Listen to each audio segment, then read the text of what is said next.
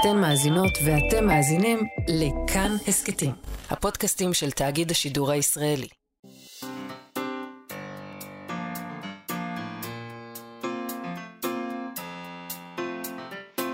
מה שכרוך עם יובל אביבי ומה יעשה לה.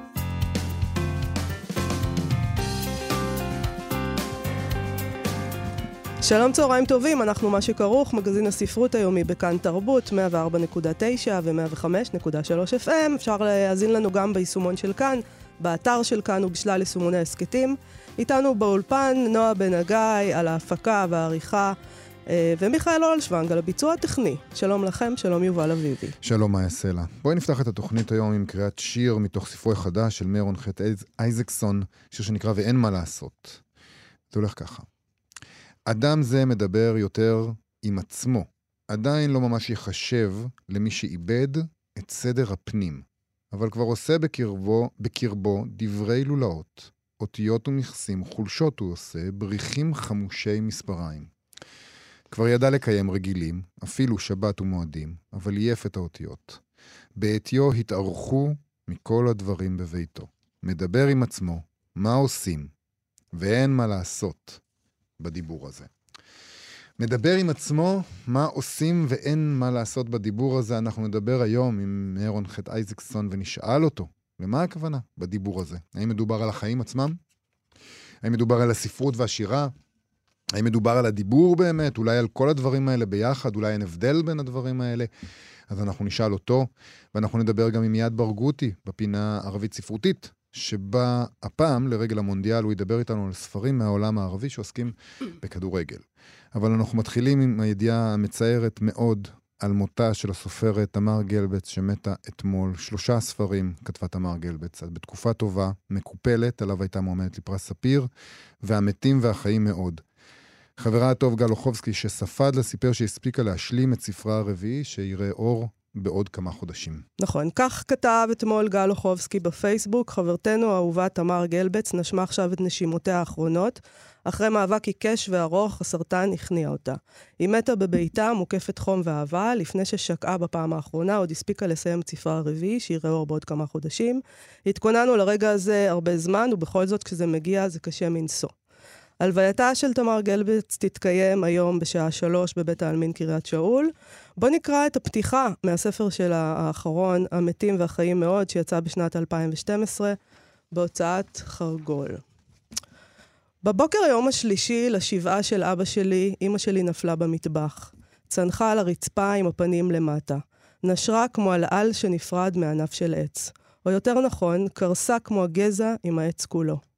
אני שכבתי במיטה עם השמיכת פיקה דבוקה לי ללחי ככה מהלילה, ועם טעם של דבק מגע משתיית הקוניאק של אבא שלי שמצאתי בבר בסלון.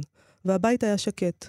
אחרוני האורחים שאירחו לנו חברה בלילה השכימו והתעופפו להם דרך החלון לענייני הבוקר שלהם, וגדודי המספידים הנמרצים ומדיפי ההודה קולון והאקווה ולווה של תחילת הבוקר טרם נשכבו על פעמון דלת הכניסה, והיה שקט. שקט הס. ופתאום, בום פצצה נוראי, ממש בומבה. כאילו איזה עמוד חשמל התמוטט בחצר. והמשכתי לשכב כמו עוף קפוא בפריזר בלי לזוז. ככה כמו ששכבתי כבר שעות ארוכות, על הצד. כאילו רגלי העוף שלי קשורות בחוט זו לזו, ממתינות, עם החור הגדול בבטן, להפשרה ולמילוי. באגוזים או שקדים או אורז עם מישמשים, או פעורי לחם וצימוקים, מה שיבוא. אבל הייתי מוכנה. עם הרגליים הקשורות, החור בבטן והכול. וידעתי שאימא שלי במטבח, כי שמעתי אותה מקרקשת בכלים ממש מוקדם, מלפני זריחת החמה. וכשעלתה השמש, ראיתי דרך זכוכית החלב החצי אטומה של החדר שלי שהניאון במטבח קבע, ושמעתי את החלון במטבח נפתח. היא מאווררת, נותנת לבוקר להיכנס.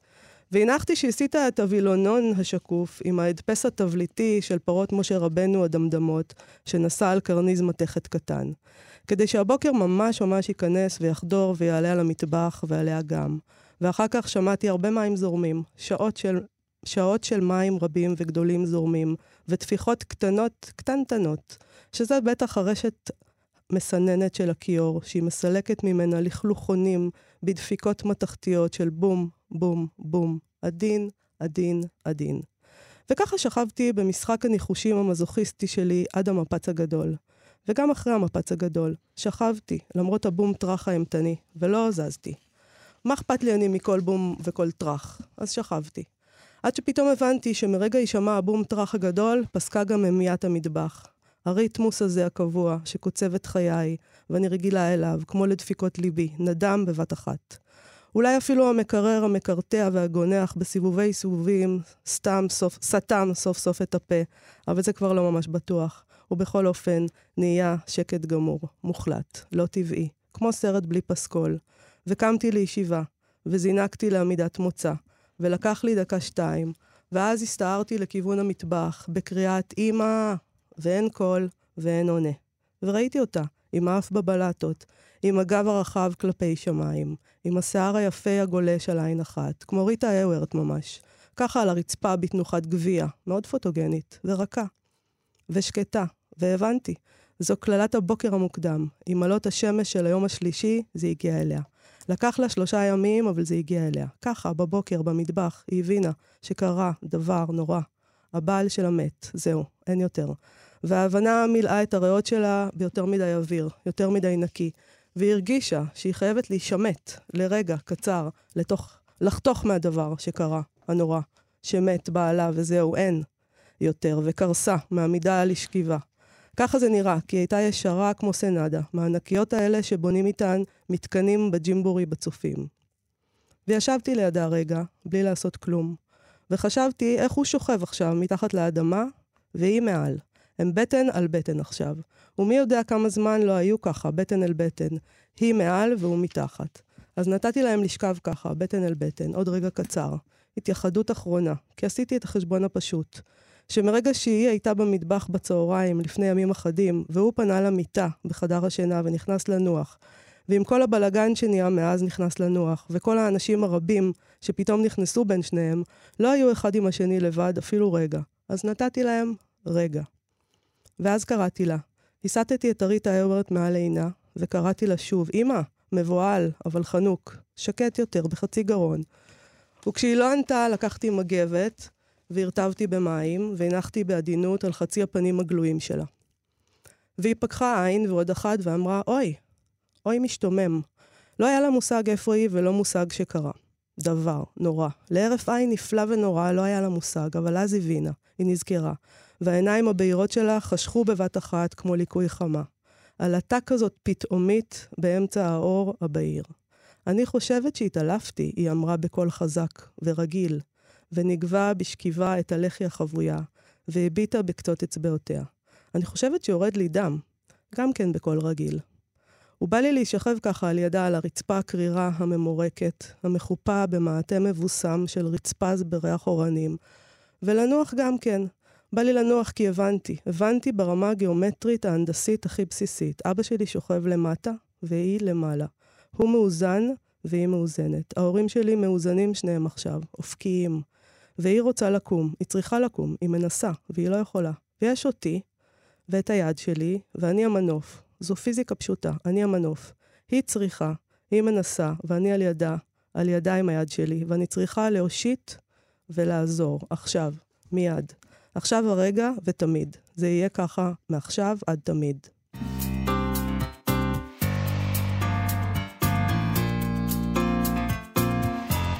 מה שכרוך בכאן תרבות, חזרנו. מאיזה כוח הוא הפיל זאת עליי? האם הפיזיקה היא זו ששלחה את החפץ שפגע בראשי, או שהייתה זאת שנאת המשלח?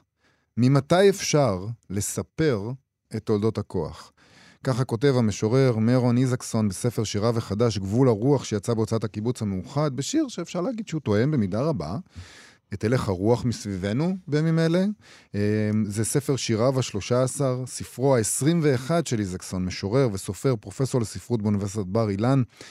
חתן פרס נשיא המדינה לספרות עברית, פרס ברנר לשירה, וגם, ממש לאחרונה, חתן הפרס השנתי לפרוזה מטעם Jewish Book Council. יש דבר כזה, מועצה לספר היהודי. זה ארגון שמוקדש לספרות יהודית, והוא גם הוציא לאור את כתב העת שדיברנו עליו פה כמה פעמים, mm-hmm. The Paper Brigade. שלום, מירון איזקסון. שלום, וכיף להשתתף בתוכנית היפה שלכם. תודה שבאת. ידעתם פה? בוא נתחיל רגע עם הפרס הזה. איך ההרגשה לקבל את הפרס שקיבלת עכשיו? איך זה... זה מאוד מרגש, זו פעם ראשונה שאני צדלל מקבל פרס בחו"ל. זה עלה לפני כשנה וחצי, ראה אור פה בארץ, הרומן שלי בהוצאת כנרת, רחוק יותר, אה, שמתאר ילד שממש כרוך אחרי מנופאי, שרוצה לתקן את העולם, ועד נקודה מסוימת זה מאוד נחמד, אבל מנקודה מסוימת זה מאוד מסוכן. ושלחו את התרגום לאותו כתב עת בלי להגיד לי, זה הכי כיף. אה, לתחרות של אה, סופרים ישראלים, חלקם כנראה מוכרים מאוד, הוא זכה שם במקום הראשון. וזהו, אני מקווה שזה באמת גם יעזור להוציא אותו בארצות הברית במקום ראוי. זה נחמד, אז לא היית צריך להיות במתח אפילו, ששלחו את, וזה. את, לא יודעת, את לא יודעת כמה את צודקת. Mm. אני כמו ילד, למרות שאני כבר בעוד כמה ימים בט' כסלו בן 66, אז בדברים האלה, אני, אולי לא רק בדברים האלה, אני כמו ילד. אז, אז כשאני, כשאני לא יודע, זה ממש נהדר, הביאו לך גלידה בלי שביקשת. אז לא, לא, לא היה לך ציפיות, והנה, אני רוצה לשאול על, ה, על הטקסט הזה שלך, שיובל הקריא, שאתה כותב, ממתי אפשר לספר את תולדות הכוח. אני מחזירה אליך את השאלה, ממתי אפשר לספר את תולדות הכוח? זהו, כנראה שהכוח מתחיל מהרגע שיש אדם בעולם. אמנם גם בבריאה עצמה צריך לזכור שלא מההתחלה יש אדם. ואגב, זה מזכיר לי משהו מאוד משעשע, שבשיר שלי על האדם הראשון, לולא נבראתי לא הייתם באים וכולי, שהלחין ושר אלי מגן, אז פעם איזה מבקר ספרות שלא אגיד את שמו, הוא כבר נפטר, כתב שאני מגלומן, שאני כותב, מה זה לולא נבראתי לא הייתם באים? אז כתבתי לו בחזרה, אני מדבר על האדם הראשון, מה פתאום אני? אז כתב לי בחזרה, טוב, אפשר להבין את זה גם ככה. אז, אה, אז תראו, הכוח מאוד מעסיק אותנו, בלי כוח, קו נטוי אנרגיה, קו נטוי פעילות ויצירה, אז אנחנו כלום. מצד שני, האדם מאוד מתבלבל מכוח, משליך דברים, מכה, מכה בעצמו, מכה באחרים, כמו שאנחנו רואים עכשיו בחברה הישראלית. גם מגיע לעמדות כוח ומתבלבל, וזה מאוד מפחיד אותי. מאוד מפחיד אותי. אתה בכלל בספר, אני מרגשתי שאתה כותב על העניין הזה שאנחנו באמת קצת מבולבלים. שאנחנו נכון. לא יודעים מה הסדר. אנחנו תוהים נכון. לגבי הסדר ואי הסדר. אנחנו תוהים לגבי האם אנחנו הולכים קדימה או אחורה.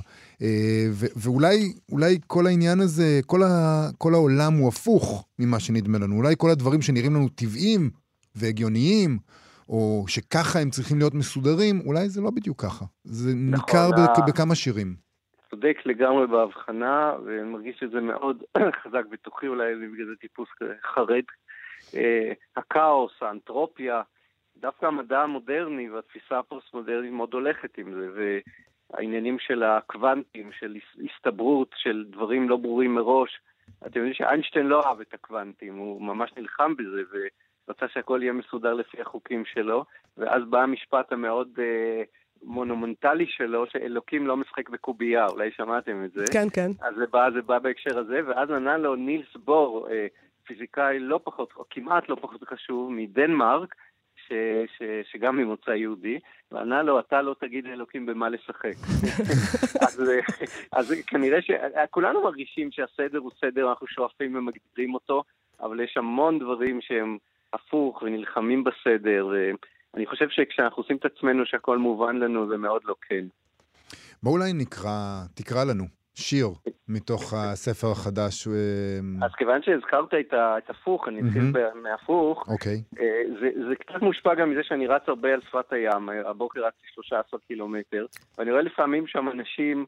הולכים הפוך, אתם יודעים, יש כתרגילי התעמלות כאלה שאנשים הולכים, וזה מאוד תפס אותי, אז אני אקריא את זה. אבל 13 קילומטר, אמנם לא. זה לא כן. התחום של התוכנית שלנו כרגע, אבל זה מרשים. נכון, נכון. יש לי נכון, שאלות פולו-אפ על זה, אני לא יודע אם זה בסדר, אני רוצה לשאול באיזה קצב, זה גם, זה משהו שיריץ... 5.50. אה, יפה.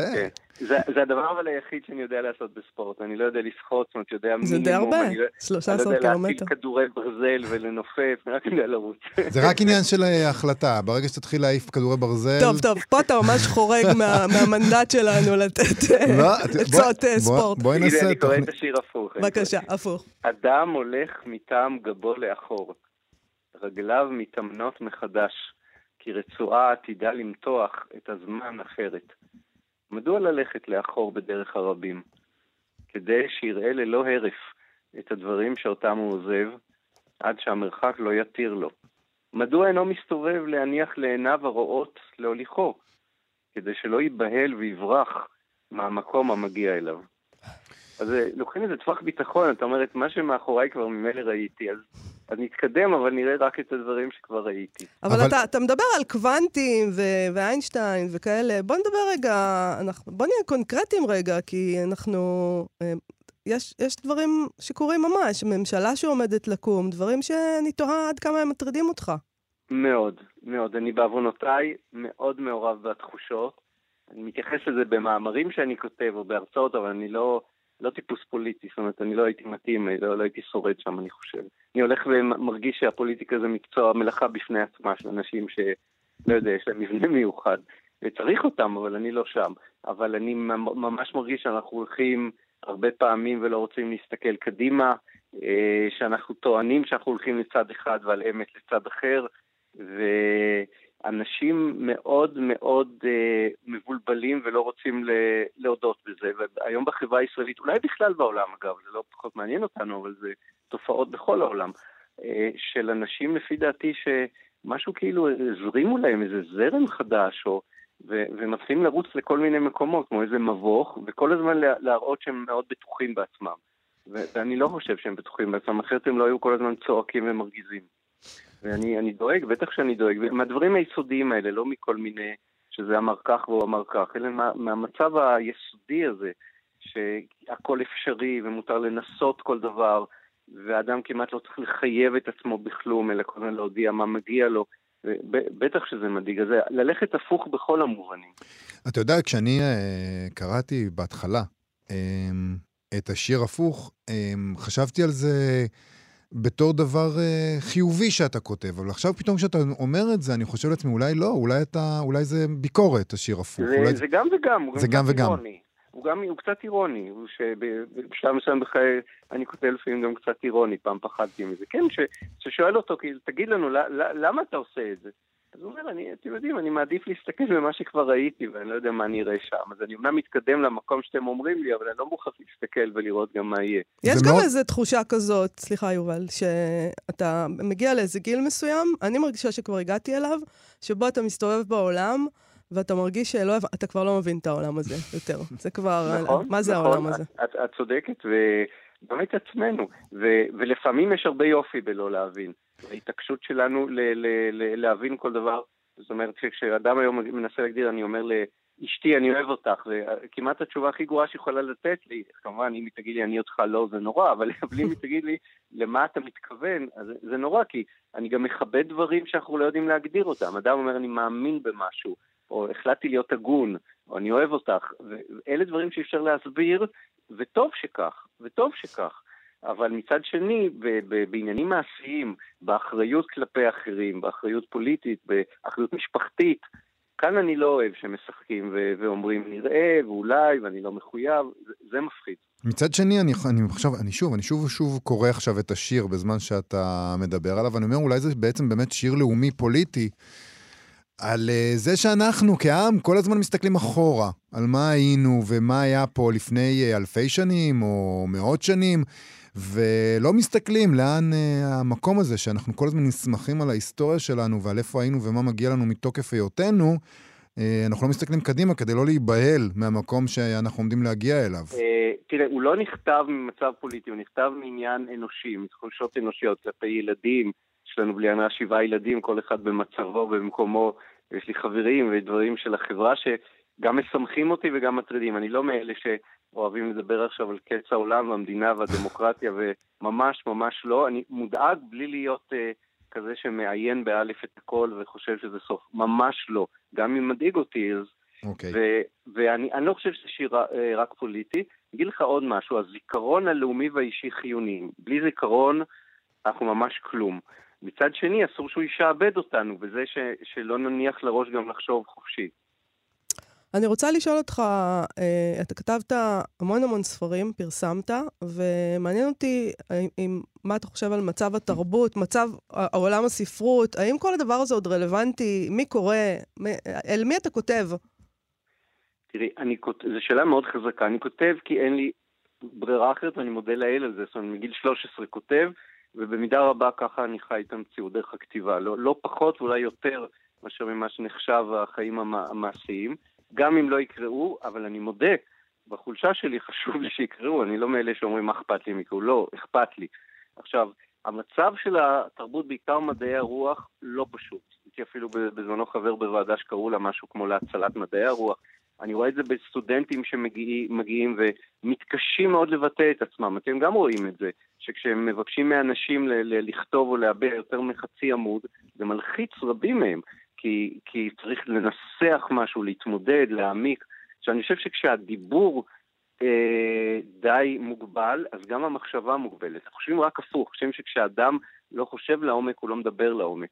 אני מפחד גם מהצד השני, שכשאין הבעה, יכולת של ויכוח, יכולת של פיתוח ארגומנטים, אז גם המחשבה מוגבלת, ומדעי הרוח, התנ"ך והספרות וההיסטוריה, הם הבסיס לזה, וזה כל כך נשכח. ו- וזה ש- שאומרים שבזה לא יהיו בחינות בגרות, אבל יהיו עבודות, זה נשמע יופי, אבל אנחנו יודעים איך זה ייראה ככל הנראה. וכשאני הייתי חבר ב- ב- ב- במחלקה של מדור הספרות בבתי הספר הכלליים, לפני שנה או שנה וחצי בערך פרשתי, פשוט כי למעלה מכוחותיי הכל, אבל הדבר העיקרי שעשינו בשנים האחרונות, אין לי טענות, זו עובדה, זה היה לצמצם את החומר, לא להוסיף.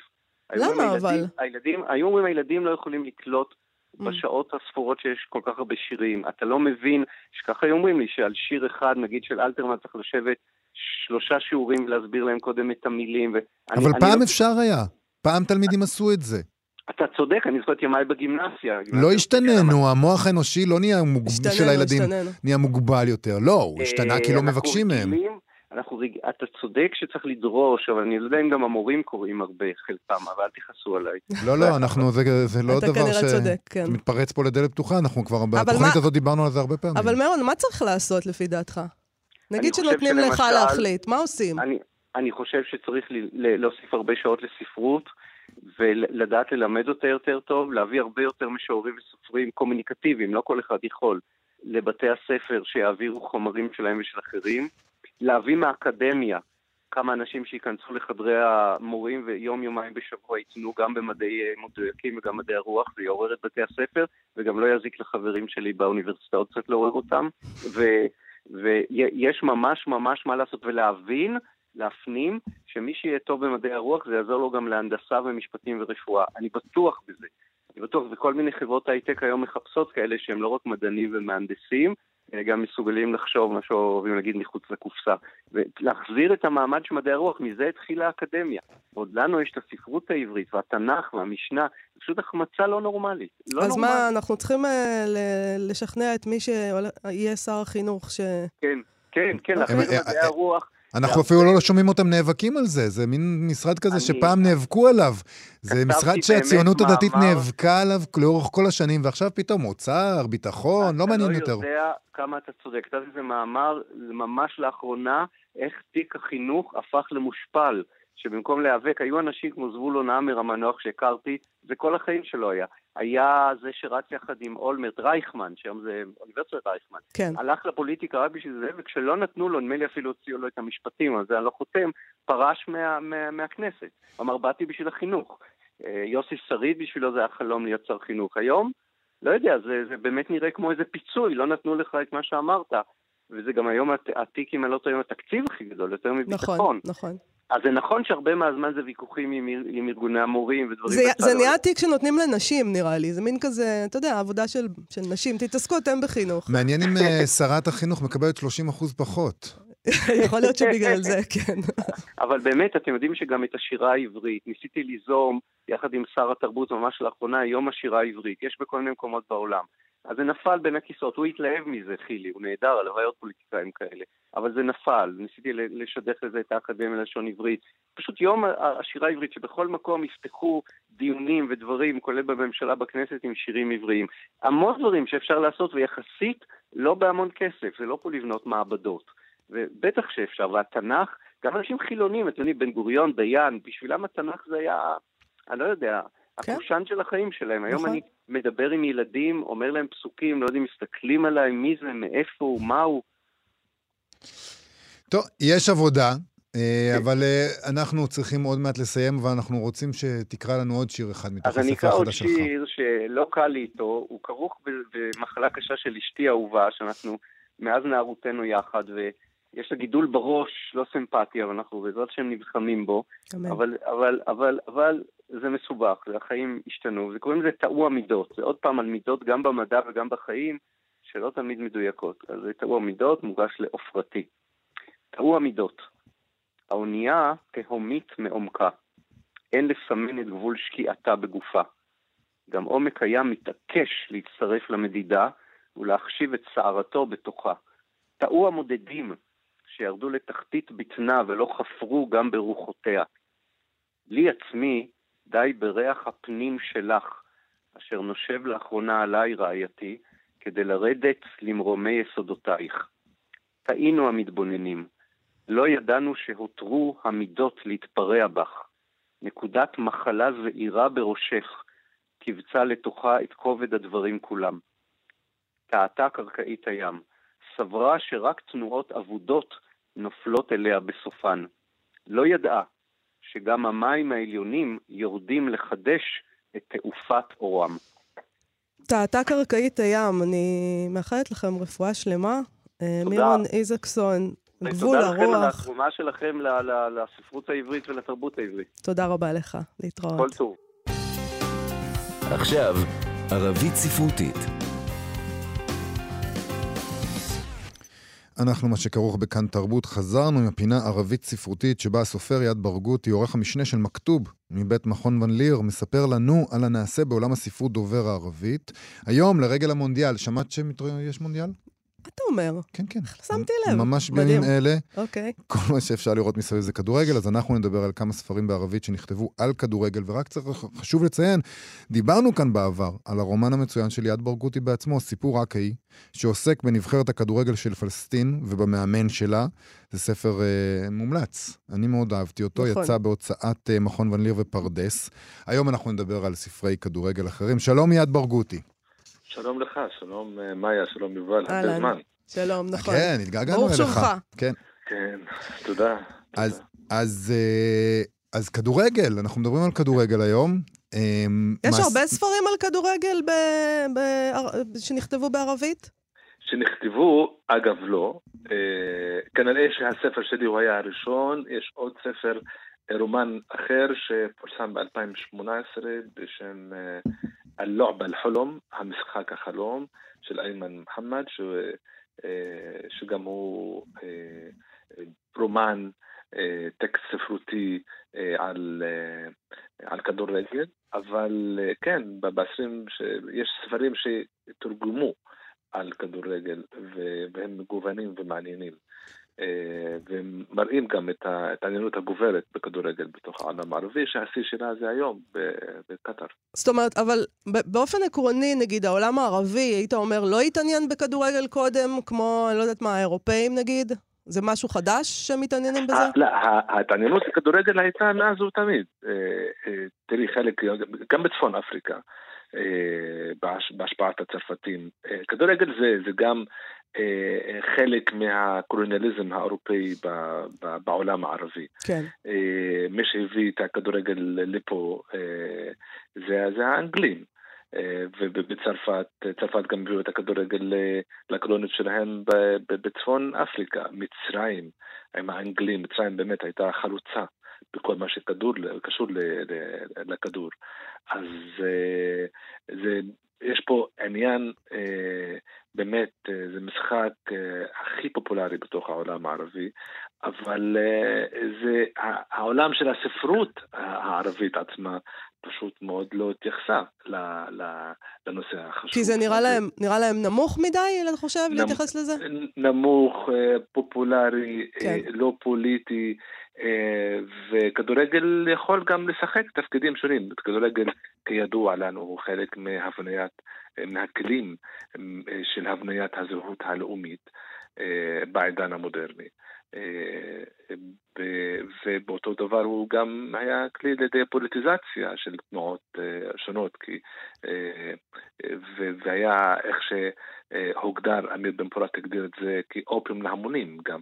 אז אפשר להסתכל תמיד על כדורגל מפרספקטיבות שונות, אבל בוא נגיד שהספרות הערבית עצמה לא אירחה את, את הכדורגל כתמה מרכזית או כעולם מטאפורי מרכזי בתוכה, אבל כן תרגמו ספרים ש, שדווקא הגיוון שלהם מראה את הצדדים השונים. מה למשל? ש, של, של המשחק הזה. אנחנו רואים גם, יש היבטים בספרים אלו שהם גם של המשחק עצמו, היבטים ספורטיביים כמובן, כמו הספר אל-הרם אל-מקלוב, שהוא ספר מתורגם, שזה הפירמידה ההפוכה. יש ספרים שמראים את, ההיבטים אה, אה, הפילוסופיים והתרבותיים של הכדורגל, ספר קורת אל-קדם בין השמס והגבל, כדורגל בין שמש וצל, שזה, שזה מדבר, מספר, מתאר את הכדורגל בפרספקטיבה פילוסופית ואומנותית ומתייחס למשחק כמעין אומנות, כמעין תיאטרון, ומספר את הסיפורים של, גם של השחקנים הגדולים. יש אחרים שהסתכלו דווקא על זה מהיבט פוליטי, וכמו חורוב כרת אל-קדם, המלחמות, מלחמות כדור הרגל. אה, שמראים גם את הניצול של המנהיגות, המנהיגים הפוליטיים למשחק הפופולרי הזה, מראים גם את הקשר בין כדורגל לאלימות ולכוח, ו... אה, ובמיוחד כאילו מראים את זה גם בהקשר, למשל הספר הזה גם מראה היבטים של הכיבוש האנגלי למצרים וכל ההיווסדות של המועדונים הגדולים, אל-זמאלק ואל-אהלי ואל... וטרסן, טרסן זה כמו ארסנל, זה באמת אחד אה, המדענים הכי גדולים. יש לנו למשל היבטים אחרים שהם אה, גם קשורים במסחור של הכדורגל, כיף עשרה כל לועבה, איך גנבו את המשחק.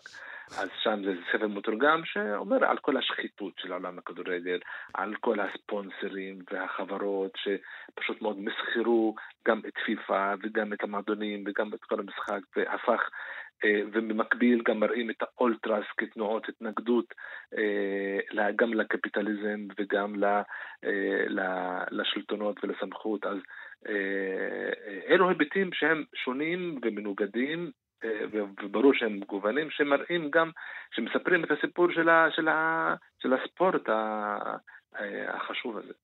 אני רוצה לשאול אותך, נכון, דיברת מקודם על העובדה שנגיד הסופרים הערבים לא רצו לעסוק בפרוזה שלהם בספרות, כי זה נראה לא פוליטי מספיק, לא חשוב מספיק, אבל אני חייב לשאול אותך, גם על הספר שלך, בהחלט בספר שלך ברור לחלוטין שהסוגיה הספורטיבית היא פוליטית, שאפשר לעסוק בסוגיות האלה גם מנקודת המבט הערבית, אה, ושהדברים הכי נפיצים שאנחנו מדברים עליהם אה, יכולים להיות, אה, לבוא לידי ביטוי, אם אתה כותב את זה כמו שצריך, בדרך ספורט, דרך כדורגל ספציפית. זאת אומרת, הדבר הזה, להגיד, כדי לכתוב פוליטיקה, אני חייב לכתוב פוליטי, זה משהו שנגיד בספר שלך רואים שאפשר לכתוב את זה אחרת.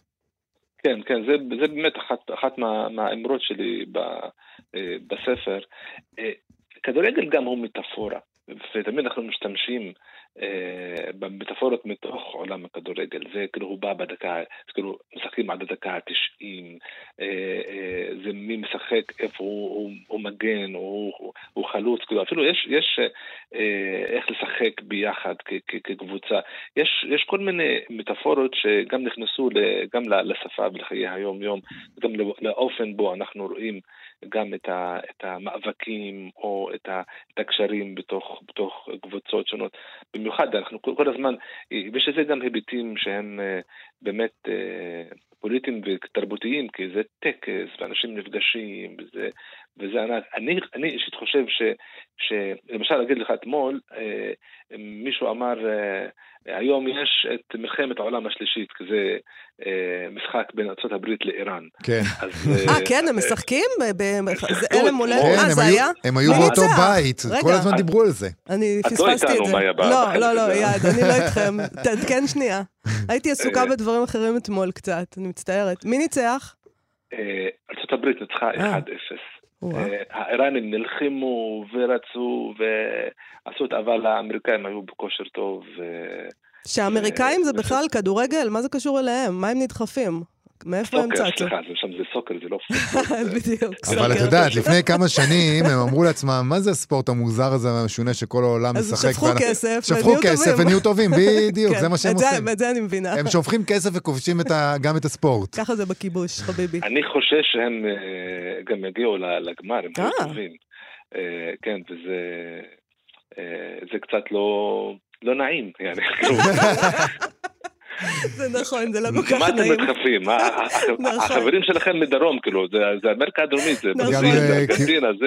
זה גם כבשת הרש, בחייכם, יש לכם פוטבול, יש לכם. כדורסל, יש לכם בייסבול, יש לכם כמעט כן. כל הספורט, יש לכם הכי הרבה מדליות שאפשר באולימפיאדות. תשאירו לנו את הכדורגל, חבר'ה. כן, בחייאת האמריקאים. אה, לא, מד- מדובר באמת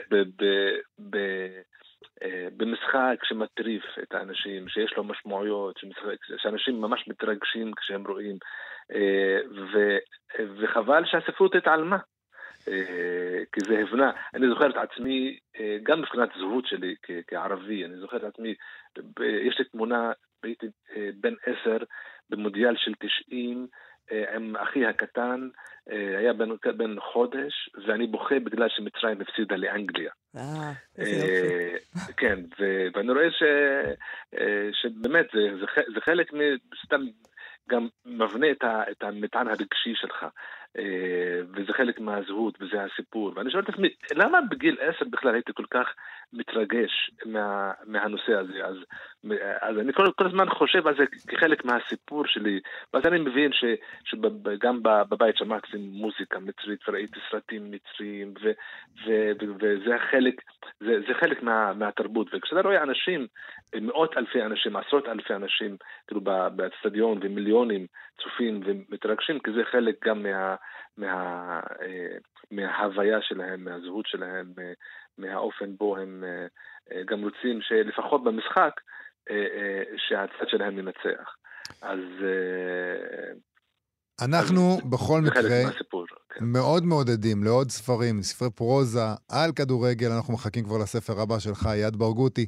תודה רבה לך על הפינה הזאת. תודה, תודה, תודה לכם. תודה, אייד, להתראות.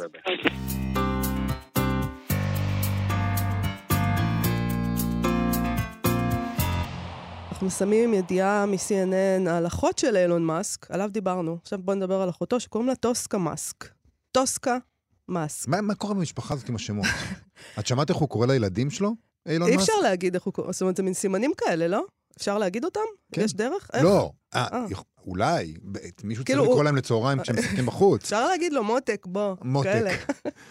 לא, טוב, טוסקה השמות. מאסק היא כמו אילון מאסק, היא יזמית טכנולוגית, ויש לה מיזם ספרותי, Passionflix. כן. כמו נטפליקס, הסברת לי מקודם, אבל passion, תשוקה. כן. אוקיי, אה, במיזם הזה, Passionflix, מעבדים למסך רומנים רומנטיים ואירוטיים, וגם משמשים אה, כפלטפורמה לסטרימינג. זה הכל כולל איך הכל אני כזה. אוהבת את המשפטים האלה, שאתה אומר אותם ואתה לא בטוח מה אמרת. פלטפורמה לסטרימינג. זה נטפליקס. עברית יפה כזאת. זה, הם נטפליקס לספרות אירוטית, לסרטים אירוטיים ורומנטיים, הם מעבדים ספרים לטלוויזיה, וגם יש להם אפליקציה שאתה לוחץ ואתה רואה את העיבוד. אה, קל. אוקיי, אז זה קל. פלטפורמה לסטרימינג. פלטפורמה בסדר. סטרימינג. אוקיי. לפי הידיעה של אה, רשת CNN, המיזם הזה הוא בן חמש שנים, ולפי מה שהיא אומרת בכתבה, יש לו מספר מנויים, או כנראה מנויות. אני... למה, למה אתה אומר את זה? למה אתה מסתבך עכשיו סתם? כי בואי, נו. בואו לא נשלה את עצמנו. בסדר, בין מנויות. שש ספרות. אה. עכשיו, מה זה בין שש ספרות? בין שש ספרות זה נורא מעט, לא? זהו, זה... אני לא יודע. פלטפורמת סטרימינג, אני ועוד של אילון מתכוונת. מאסק. כן. כאילו, זה פח... גם מה זה שש ספרות? אני שונא שהאמריקאים תמיד אומרים זה six figures. מה זה six figures? זה יכול להיות 100 אלף וזה יכול להיות 999 אלף. זה נכון. הבדל מהותי מאוד בעיניי.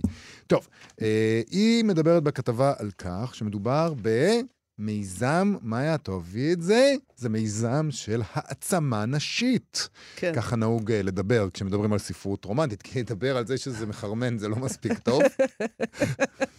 אתה אומר, מה, סתם חרמנות? לא, זה חרמנות שהיא העצמה נשית. בסדר. היא אומרת ככה, אנחנו מתמקדים בחיבור, תקשורת ופשרה. ככה היא אומרת. באנגלית זה נשמע יותר טוב כמובן, כי זה קו-קו-קו כזה. connection, communication and compromise. זה מה שנקרא אה, מרק מילים. ממש. אוקיי. היא פשוט רצתה להגיד משהו, איזה מין catchphrase כזה, כן. אני חושב שזה יהפוך, שיתפוס. האמת שאני... אולי הולך- זה יתפוס עוד, חכה. אני הולך על זה. אני הולך להכ- להכניס את זה. לשפה. איך, למה שאנחנו נתפשר? איך לא קשור. פשרה בהעצמה נשית? לא כאילו. להפך, אנחנו לא נתפשר בחיים. אנחנו נילחם עד טיפת דמנו האחרונה. אני חושב שזה קשור לזה שהיא אומרת שהמיזם הזה, כאמור, הוא לא סתם חרמנות, הוא חותר להסרת האשמה ממיניות, במיוחד זו של נשים, זה מה שהיא אומרת. כי זה מעצים נשים להכיר בתענוג שלהן ולדרוש אותו. זה מאוד זה מעניין. שני שלבים. זה קודם מאוד- כל, זה מאוד מעניין שהיא אומרת את זה, כי השנה היא 2022, והיא כאילו הגיעה עכשיו, והיא שלום. תלמד אותנו, שלום, הנה תכירו, מספיק. אתם נהנות מסקס. יש תענוג, אתם יכולות לדרוש אותו. איזה מזל שבאת. יפה מאוד. טוב, כמובן, אה, לא מדובר פה בעמותה. זה מיזם שמטרתו רווח, רווח גדול מאוד, אה, אבל על הדבר הזה אף פעם לא מדברים, כמובן, בכתבות, רק על אה, כל מיני שטויות, כמו connection, communication ו-compromise. אה, בסדר? אה, ב-CNN ליוו אותה על סט של סרט אה, עם השם המפתה, החיים הסודיים של אימי הרעיון- את הרעיון למיזם הזה היא קיבלה אחרי שמישהי שלחה לה תסריט שהיא אהבה, אבל היא לא הצליחה לעניין בתי הפקות ולהפיק אותו, אז היא הקימה אחד כזה. כי ככה זה. כן, קל. כי אתה יכול. נכון. אני באמת חושב שזה עצוב, ואני אגיד לך מה עצוב בזה. כן. עד שמצאו דרך להכניס כסף לעולם הספרות באמצעות ספרות רומנטית ואירוטית, באים ולוקחים גם את זה לעולם הקולנוע והטלוויזיה. משופע בלקוחות משלמים כבר. כבר יש. כבשת הרש שוב. אה, שוב. אני- זה כמו לא- שהאמריקאים לקחו לנו את הכדורגל, הם גם לוקחים לנו את הספרות הרומנטית. אני לא, לא בטוחה, כי לא מדובר על זה שיבטלו את הספרות הרומנטית, אלא הסופרים של הספרות הרומנטית עכשיו ירוויחו גם מטלוויזיה. אני לא רואה איך כל זה קשור לספרות, אבל זה כבר עניין אחר. נכון. אוקיי. אה, אה, יש קשר, אל תגידי שזה לא קשור. לספרות, כי. אז כאילו, לא- למה לא- אני לא זה... בנויה לוויכוח הזה כרגע. למה. זה במה שכרוך? או, או, אם- יפה. אנחנו צריכים זה לא- לשאול את עצמנו אולי את השאלה הזאת. לא, אם זה במה שכרוך, זה ספרות. זה קשור לספרות, ועם האמת הטאוטולוגית הזאתי, אנחנו נסיים את תוכניתנו להיום. אה, נודה לנועה בן הגיא על העריכה וההפקה, ולמיכאל אולשוונג על הביצוע הטכני. בואו לבקר אותנו בעמוד הפייסבוק שלנו. אנחנו מחר, ביום חמישי, נשדר את המיטב של השבוע החולף. אמת לאמיתה. להתראות. להתראות. אתן מאזינות ואתם מאזינים לכאן הסכתים, הפודקאסטים של תאגיד השידור הישראלי.